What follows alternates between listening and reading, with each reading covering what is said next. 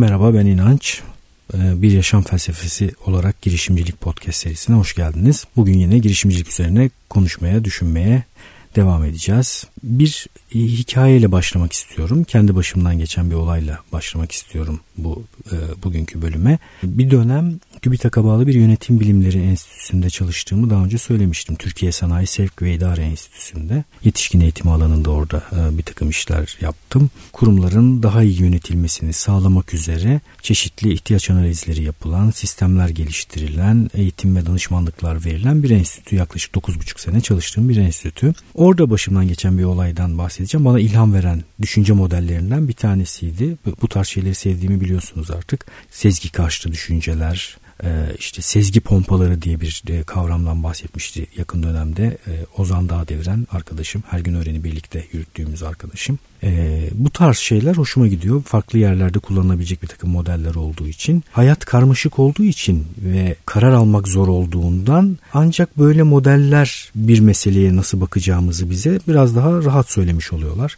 Yani karmaşık durumlarda bu modelleri kullanarak biraz daha iyi sonuçlar almanın mümkün olduğunu düşünüyorum ya da bir takım meseleleri nasıl ele alacağımız konusunda bize yardımcı olduklarını düşünüyorum. Nasıl davranabileceğimiz konusunda bir takım seçenekler oluşturduğunu düşünüyorum. Bu düşünce modellerinin sezgi karşı düşünceleri. Bir gün bir eğitim sırasında bir eğitmen isim vermeyeceğim isim kullanmayacağım e, bir eğitmen ve ben de orada sınıfta hazır bulunuyorum. İşte bir haftalık bir eğitimi birlikte veriyoruz. Birbirimizin oturumlarında da bulunuyoruz. Onun vermekte olduğu kısımda eğitimde bir katılımcı vardı bir anne iki tane de çocuğu vardı. E, eğitici eğitimi e, yani bir eğitimi tasarlamak ve daha iyi etkileşimler kurgulamak üzere formasyon eğitimi gibi düşünebilirsiniz. Eğitici eğitimi yapıyorduk.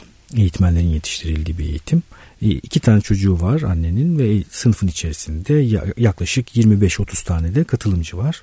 O iki çocuk birbirini sınıf içerisinde yüksek sesle kızılderili çığlıkları atarak kovalamaya başladı. E, eğitmen arkadaşım müdahale etmedi. Yaklaşık böyle bir bir buçuk saat aralıklı olarak anneleri hiç müdahale etmeden bu çocuklar birbirlerini sınıfın çeşitli noktalarında kovaladılar. Sahneyi bir böyle zihninizde canlandırın. E, bir takım yetişkinler bir şeyler öğrenmeye çalışıyorlar. Bir tane iki tane eğitmen var sınıfın içerisinde. İki tane çocuk birbirlerini kovalıyorlar yüksek sesler çıkararak ve hiçbir müdahale yok. Katılımcılar da bir şey söylemedi. Anne de bir şey yapmadı ve bir şey söylemedi. Böyle bir buçuk saati geçirdik.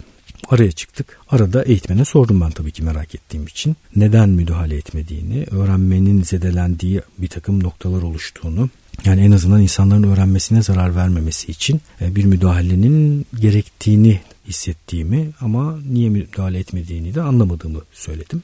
Merak ediyordum hakikaten ne söyleyeceğini. O da bana şöyle söyledi. Şunları söyledi. İnanç dedi. Şöyle düşündüm biliyor musun dedi o anda. Yani hayatta kaç defa başıma böyle bir şey gelebilir ki? Yani kalabalık bir sınıfın içerisinde annesi e, çocukların sınıfın içindeyken müdahale etmediği ve çocukların böyle bağırışarak dolaştığı bir ortam kaç defa yaşayabilirim diye düşündüm ve bunu hiç müdahale etmeden yaşamanın eğlenceli olabileceğini düşündüm ve meseleye böyle baktım dedi. Bana çok enteresan geldi bu. Hayatta kaç defa böyle bir şeyi yaşayabilirdim ki düşüncesini duydum orada. Duyar duymaz zaten hemen beni çeken türde düşünce tiplerinden bir tanesi. Yani çünkü normalde ortalama insanlar, ortalama davranış bize şunu söylüyor. Aklı selim ya da e, o çocukların bir şekilde öğrenmeyi zedelemez hale get- gelmesi için e, bir müdahale gerektiğini bize söylüyor. Normal bir eğitmen, normal bir anne böyle yapardı. Yani çocukların gürültü yapmamasını sağlamaya çalışırdı. E, eğitmen arkadaşımın orada söylediği şey ise benden yaşça büyüktür bu arada. Çok şey kendisinden de çok şey öğrendiğim bir eğitmen arkadaşım. Söylediği şey ise sezgi karşıtı duruyor, enteresan duruyor. Bunu böyle zihnimin köşesine yazdım. Sonra yıllar yıllar sonra kaç sene sonrasında olduğunu bilmiyorum. Londra'da yaşamakta olan bir arkadaşım ee, onun da ismini vermeyelim. Hiç kimsenin ismini vermiyorum bu arada. Ben bir tek kendi ismimi veriyorum. İnanç. Hikayedeki kişi inanç olarak. Ben kendimi kendim olarak temsil ediyorum hikayede. Londra'da yaşayan bir arkadaşım bana şöyle bir öneriyle geldi. Dedi ki e, bir süredir Karayipli bir arkadaşı vardı ve onunla evlenmeye karar ver, verdiklerini söyledi. İşte İstanbul'a geleceğiz. Peter, bak bir tek Peter'ın ismini kullanmış olduk. Neyse önemli değil. Soy ismini bilmiyoruz. Peter'ın e, ailesi Karayip Adaları'nda. Onun için beni ailemden Peter'ın yanında onun babası olarak yani temsilen babasını temsilen isteyebilir misin? Kız istemeye gelir misin dedim. Benim buna vereceğim en hızlı ve tek cevap hayırdır. Tabii ki gelmem. Yani niye böyle başıma bir iş alayım ki bir kız isteme durumu ortamı içerisinde bir takım böyle işte kalıpları vardır onun bir seremonidir böyle bir şey yapamam diye düşünme, düşüneceğim için ya da niye kendimi böyle bir meşhum zor durumun içerisine sokayım ki diye düşüneceğim için hayır derdim. Birden insan zihni çok enteresan aklımda şu cümle sizin de tahmin edeceğiniz gibi çınladı. İnanç hayatta kaç defa bir kara ipliğe kız isteme durumunda bulunabilirsin ki? Bu fırsat eline kaç defa geçer? Bakın hızlıca düşündüğünüzde baş belası gibi görünen bir durumu cümlenin gelişi itibariyle fırsat olarak bile tarif edebiliyorsunuz. Tamam dedim. Kabul ediyorum. İsteyeceğim dedim. Ve o noktadan itibaren benim için o deneyim enteresan, ilginç, sıra dışı bir hale geldi. Yani bu tarz durumlar zaten değil mi bizim hafızamızda yer eden, yer eden, ana haline gelen, başkalarına anlatabildiğimiz şeyler. Yani hayatın sıradanlığı içerisinde sürekli ortalama insanların yapmış olduğu bir takım şeylerin kimsenin ilgisini çekeceğini düşünmüyorum. Böyle enteresan şeyler daha ilginç. Gittik hep birlikte kalabalık bir ekip olarak ve ben bildiğimiz tüm klişeleri kullanarak bir kız isteme seremonisini sembolik baba olarak yürüttüm. Kızı verdiler ve evlendiler. Şimdi de çok mutlu olarak hayatlarına devam ediyorlar. Bana çok ilginç gelmişti. Daha sonra bunu derslerimde Boğaziçi Üniversitesi'nde öğrencilere de anlattım. Çünkü bu tarz sezgi karşı fikirlerin ve düşüncelerin bulaşıcı olduğunu düşünüyorum. Yani insanlar duyuyorlar, birbirlerine anlatıyorlar. Bundan ilham alıyorlar ve kendi hayatlarına geçiriyorlar. Yıllar sonra bir öğrencim rastlaştığımızda bana aynı fikri, bu fikri yani hayatta kaç defa ben böyle bir şey yaşayabilirim ki diyerek bir şeyin içerisine kendisini soktuğunu söylemişti. Bu da bana çok değerli gelmişti sizinle de paylaşmak istedim. Bir girişimci olarak yani bir girişime başlarken de böyle düşünebilirsiniz. Hayatta kaç defa ben şu köşe başında bir köfteci açabileceğim ki? Hayatta kaç defa beş kuruşum olmadan bir girişimin içerisine girebileceğim ki? Hayatta kaç defa istifayı basıp ondan sonra ertesi gün ne yapacağımı düşünmeye başlayabileceğim ki? Hayatta kaç defa 6 ay, 7 ay, 8 ay işsiz kalacağım ki diye bakarsak meselelere o sıra dışı olayı yaşama biçimimiz de değişiyor. Enteresan bir şekilde o meseleye bakışımız değişiyor. Zaten bir konuda duygu üretmemizi sağlayan ya da duygumuzun ne olacağını sağlayan şey de biraz bu meselelere verdiğimiz anlamlar, onlara atfettiğimiz semboller. Bununla ilgili de okumayanlarınız için önerebileceğim bir kitap var. Ben Değeri Tiryakiliği. A. Kadir Özer'in bir kitabıdır. E, bilişsel terapi ile ilgili bir kitaptır ama herkesin okuyabileceği bir şekilde yazılmıştır.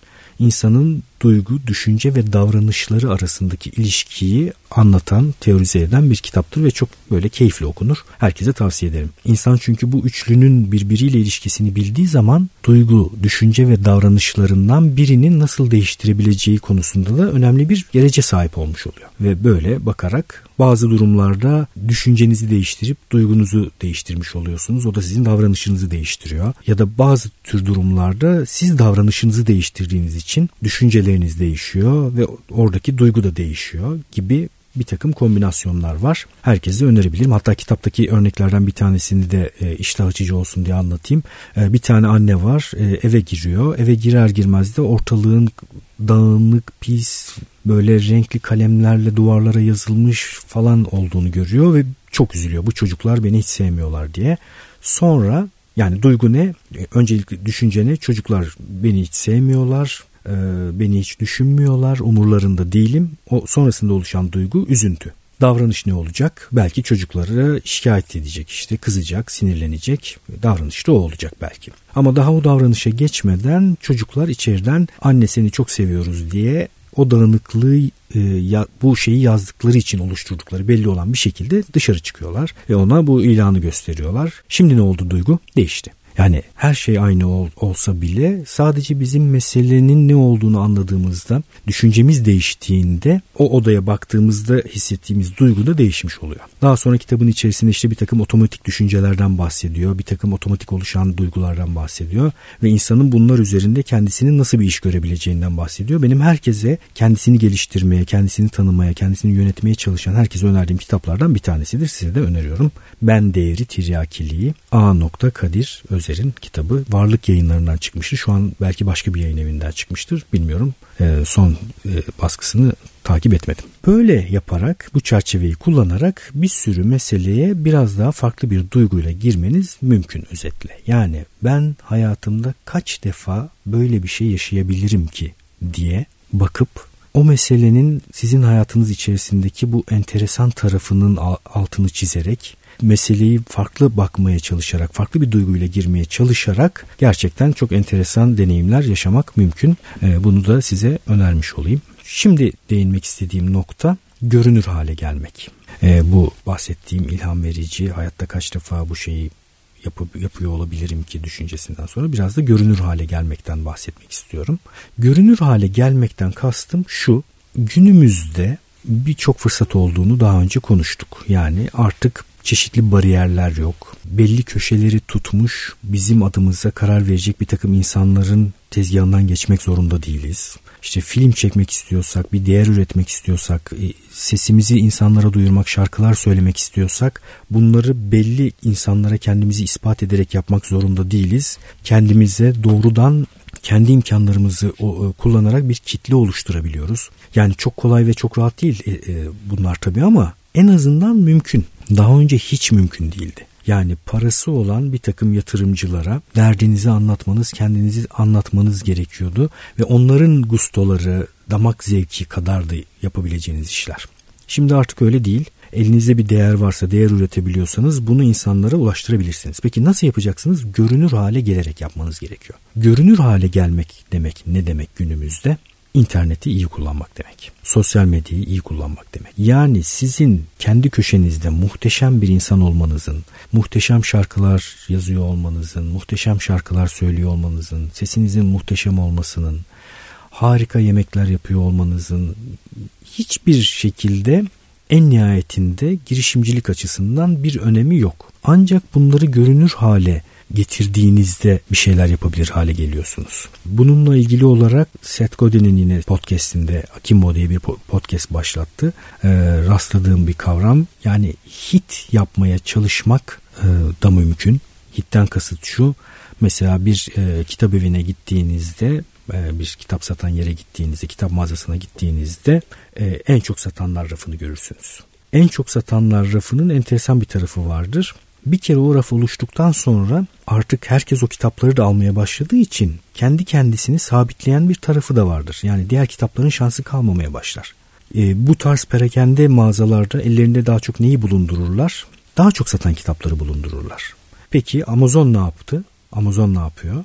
Hiçbir yerde bulunmayacak bir takım kitapları da kendi bünyesinde bulunduruyor.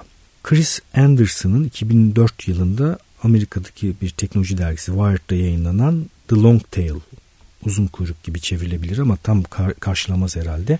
Makalesinde ortaya attığı bir kavram bu. Anderson diyor ki bu tarz perakende mağazalar hit olan, popüler olan, çok satan şeyleri bulundururken mesela Amazon, mesela Netflix ne yaptı? Sınırsız bir raf oluşturdu. Yani Amazon'un rafı sınırsız. Perakendenin rafının ise sınırları var. Değil mi? Belli bir fiziksel mekan içerisinde. Dolayısıyla o rafa neyin girip neyin girmeyeceğine o karar veriyor. O karar verdiği için de daha çok satanları oraya koyuyor. O daha çok satanları oraya koyduğu için de sizin gidip çok satmayan ama çok değerli bir takım şeylere ulaşmanız artık imkansız hale geliyor. Yani onların dağıtımı imkansız hale geliyor.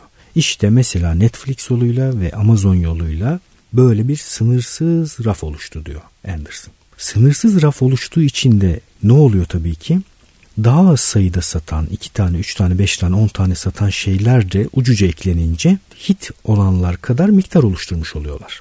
Yani Amazon'un satışlarına bakıldığında popüler olan ürünler ve hizmetler satışların %50'sini oluştururken diğer %50'sini yarısında da bu uzun kuyruk dediğimiz kısımda kalan e, daha az sayıda insanın almış olduğu ürünler oluşturuyor. Yani sonuç ne? Siz illa hit yapmaya, popüler bir şey yapmaya oynamak zorunda değilsiniz. Daha uzun bir raf oluşturup daha az insana ulaşan şeyler yapıp ama miktar olarak hitle aynı şeyi yapıyor olabilirsiniz. Ee, Seth Godin mesela kendi blog yazılarını örnek olarak vermişti. Kısa kısa blog yazıları yazar. 7000'e yakın blog yazısı varmış. Diyor ki podcast'te şunu söylüyor. Bunlardan hiçbiri inanılmaz popüler olmadı. Milyonlarca insanın okuduğu yazılar olmadı. Ama hepsini topladığınızda baya baya böyle milyonları bulan insanlara ulaşmış oluyor. Çünkü orada böyle sınırsız ve uzun bir raf gibi benim 7000 tane yazım hep var duruyor. Bir takım insanlar bir takım yazılara ulaşıyorlar ve bu da bana bir şekilde bir değer olarak dönüyor. E, hatta podcast'te bir soru gönderiyorlar, soru soruyorlar. Diyorlar ki ne yapmamız gerekir? Yani biz long tail'de mi kalalım? O da diyor ki hayır.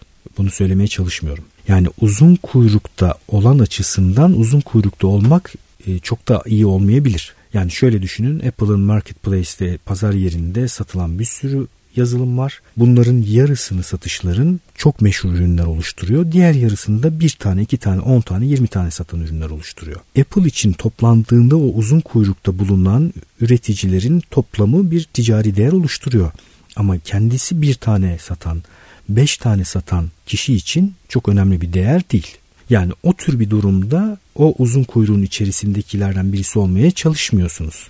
Ama e, kendiniz bir değer ürettiğinizde bu uzun kuyruk kavramını kullanarak mümkün olduğunca az sayıda da insana da ulaşsa çok yaptığınız bir şeyi yapıp görünür hale gelip iyice görünür hale gelip kendinize bir uzun kuyruk rafı oluşturabilirsiniz. Yani blog yazıları yazarsınız, videolar çekersiniz, e, Twitter'da tweetler atarsınız, e, bir takım işte küçük yazılar yazarsınız, paylaşırsınız. Instagram'da bir takım şeyler paylaşırsınız. Bunlar ucuca eklendiğinde sizin kendi uzun kuyruğunuz oluyor. Yani hiçbiri milyonlarca insana ulaşmıyor belki ama topladığınızda hep orada bulunduğu için bir takım insanlar bir takım aramaları sırasında size ulaşıp ürettiğiniz değere de ulaşabilir hale gelebiliyor. E, bu noktada söylemek istediğim son bir şey kaldı bu bölümle ilgili. Kaldıraç konusundan daha önce bahsetmiştim. İnsan en önemli kaldıraç. Kaldıraç nedir? Bizim uyguladığımız kuvvetten daha büyük bir sonuç elde etmemizi sağlayan bir düzenektir. Ee, insan eylemlerimizin en önemli kaldıraçlarından bir tanesi. Peki nasıl bu kaldıracı kullanacağız? Ee, insan tanıyarak. Çok basit bir cevabı var ama cevabı bu. İnsan tanımak için de günümüzde kullanılabilecek bence en doğru yöntemlerden bir tanesi öğren öğrenme yolculuğuna birileriyle birlikte çıkmak e, öğrenme yolculuğuna birileriyle birlikte çıktığımızda özellikle yetişkin öğrenme dünyasında e, kozmopolit bir insan grubuyla bir araya gelebiliyorsunuz. Yani sizin kendi çevrenizde bulunmayan bir takım insanlarla bir araya gelebiliyorsunuz. Yetişkin eğitimin en güzel taraflarından bir tanesi de bu zaten. E, aralarda, teneffüslerde, ayaküstü çay içerken, sohbet ederken bir insanla 15-20 dakika içerisinde yaptığınız bir sohbet sizin hayatınızın ondan sonraki kısmını tamamen değiştirebilir. Bambaşka insanlarla yan yana geleceğiniz için bu öğrenme gruplarında bir takım işte kurslarda derslerde bambaşka insanlarla bir araya geleceğiniz için daha önce hiç düşünmediğiniz şekilde düşünen birilerine rastlayabilirsiniz. Daha önce hiç aklınıza gelmeyen bir takım işleri yapan birilerini görebilirsiniz. Bu çok önemli bir şey. İnsanın kendi çevresinden ve kendi düşünce çemberinden kurtulmasını sağlayan, onu genişleten, zenginleştiren bir faaliyet. Bunu tabii kitaplar yoluyla da yapabiliyoruz. Kitaplar en pratik yolu. Daha önce hiç tanımadığımız, aynı coğrafyada bulunmadığımız, hatta belki aynı zaman diliminde bulunmadığımız bir insanla içsel bir diyalog yaşamamızı sağlıyor bir kitap. Yani kitap okuyan insan da kendi dünyasını zenginleştiriyor. Kitap okuyan insan da daha önce olmadığı biri haline gelebiliyor. Sadece kitap okuyarak bile başka biri haline gelmek mümkün. Bu nedenle mümkün. Çünkü kitaplar bir takım düşüncelerin, duyguların, dünya görüşlerinin kaydedilmiş halleri. Bu kayıtlara ulaşmış oluyorsunuz. Çok değerli bir şey. İşte bu öğrenme grupları, işte bir yandan başka bir işlevleri de var tabii ki. Öğrenmeye devam etmemiz gerekiyor. Bu öğrenme gruplarına girerek e, öğrenmeye de devam etmiş e, oluyoruz bir yandan. Ama bence bir başka en az o kadar önemli değeri de daha önce hiç düşünmediğimiz şeyleri düşünmemizi sağlayabilir. Daha önce hiç almadığımız ilhamları başkalarından almamızı sağlayabilir. Yepyeni insanlarla tanışabiliriz. Yepyeni sinerjiler ortaya çıkabilir. Bunun da önemli olduğunu düşünüyorum. Girişimcilik yolculuğuna da zaten tek başına değil de en az iki kişi ya da bir ekiple çıkılması e, önerilen noktalardan birisidir. Benim de öner önerdiğim şeylerden bir tanesidir. Tabii nasıl bir insan grubuyla, nasıl bir ekiple yola çıkmak gerektiği konusunu üzerine de düşünmek lazım. Onun üzerine de daha sonra düşünürüz, konuşuruz. Evet, bu bölümde görünür hale gelmekten bahsettik hayatta kaç defa böyle bir şey yaşayabilirim ki, hayatta kaç defa başıma böyle bir şey gelebilir ki diyerek mecbur kaldığımız bazı durumları kendimize daha çekilebilir hale getirebileceğimizden bahsettik bir sezgi karşıtı düşünce olarak. Ee, öğrenme gruplarından bahsettik, yetişkin eğitiminin, kitabın öneminden bahsettik. Benim için keyifli bir podcast bölümü oldu. Sizin için de umarım öyle olmuştur inançayar.com adresinden işte benim sosyal medya hesaplarıma ya da e, blog yazılarıma ulaşabilirsiniz. Podcast sekmesinden bölümdeki kitaplarla kişilerle ilgili linklere, verilere, bilgilere ulaşmanızı sağlamaya çalışıyorum. Bir de tabii bana e-posta gönderebilirsiniz. inanç.fikritesat.com adresine ya da inançayar.com'daki e, iletişim formunu doldurarak bana ulaşmanız mümkün. E, gönderilen her e-postaya cevap vermeye çalışıyorum. Görüşmek üzere.